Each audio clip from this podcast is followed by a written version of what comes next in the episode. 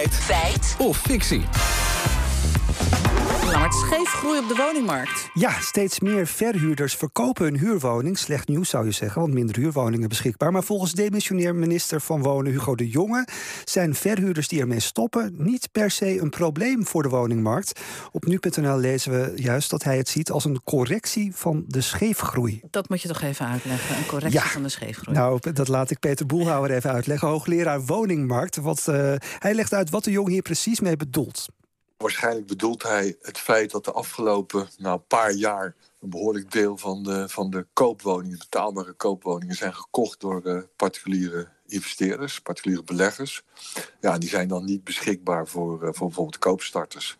En dat percentage is, is rond de 7, 8 procent. En dat is behoorlijk opgelopen de laatste jaren. Ja, de markt groeide dus scheef. Verhuurders troefden andere kopers af. En dat maakt het dus onder meer voor starters lastiger om een koopwoning te krijgen. Oké, dus een deel van die opgekochte huurwoningen wordt nu weer te koop gezet. Waarom is dat dan? Nou ja, het verhuren wordt eh, minder aantrekkelijk gemaakt. En dat heeft weer te maken met beleid van het kabinet dat vorig jaar is ingegaan, legt Boelhouwer uit. Dat zijn eh, fiscale regels. Dus ze moeten heel veel belasting gaan betalen sinds eh, vorig jaar eigenlijk. Eh, de overdrachtsbelasting. Als zij een huis kopen, dan betalen ze 10,4% de overdrachtsbelasting. En ook de gestegen rente. hè. Ze werken vaak ook met deels vreemd vermogen, met een, met een lening.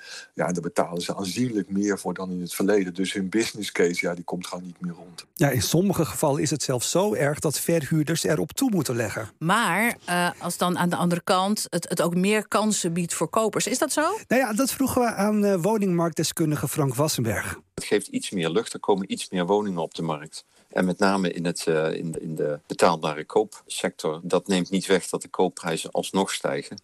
En dat komt door het grote woningtekort in het algemeen. Hm, voor kopers een klein lichtpuntje, maar ja, hoe zit het dan met de huurders? Nou ja, dat eh, kun je wel raden. Daarvoor is het minder positief, zegt Boelhouwer. Dat zijn vaak mensen die voor het eerst in de stad komen, die eh, nog geen vaste relatie hebben of geen vaste baan, die nog niet toe zijn aan een koophuis. Ja, dat betekent dat de krapte op die huurmarkt die neemt verder toe. En dat zie je ook terug nu hè, in de huurprijsstijgingen. En dat zal de komende jaren nog wel sterker worden. Ook het overbieden op huurwoningen, dat zal wel weer gaan toenemen. Hm, volgens afspraken moeten er voor 2030 ruim 900.000 woningen bijkomen.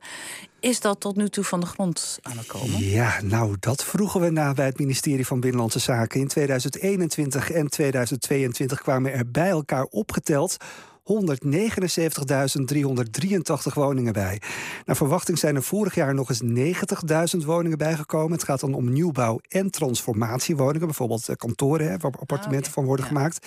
In 2024 en 2025 verwachten ze wel een dip vanwege de voorste rentestijging. Hm, En dat verkopen van huurhuizen door verhuurders, levert dat dan ook een bijdrage aan de woningmarkt? Nou, niet eh, bepaald. Want wil je een structurele oplossing, dan moet je je op andere dingen richten, zegt woningmarktdeskundige Wassenberg. Je haalt huurwoningen weg van de voorraad en je, maakt, je zet er koopwoningen bij. En als je die optelt, dan komt er geen huis bij. Dan heb je toch andersoortige oplossingen nodig om te zorgen dat er meer woonruimte komt. En dat is ja, op de eerste plaats natuurlijk zorgen dat er meer gebouwd wordt. En op de tweede plaats zorgen dat al die bestaande woningen, dat er meer mensen in kunnen komen wonen. En dan heb je het over woningdelen of woningsplitsen, hospita verhuren, stimuleren. Dan heb je het over meer maatregelen om te zorgen dat er meer mensen een woning krijgen. Hm, conclusie dan? Ja, is het verkopen van huurhuizen een correctie van de scheefgroei, zoals Hugo de Jonge beweert? Nou, het aantal koophuizen neemt inderdaad toe. Trekt de markt daarmee ietsje meer recht. Er is dus simpelweg minder ruimte voor scheefgroei. Het woningprobleem wordt er natuurlijk niet mee opgelost. Maar goed, we moeten minister Jonge gelijk geven. De uitspraak is een feit.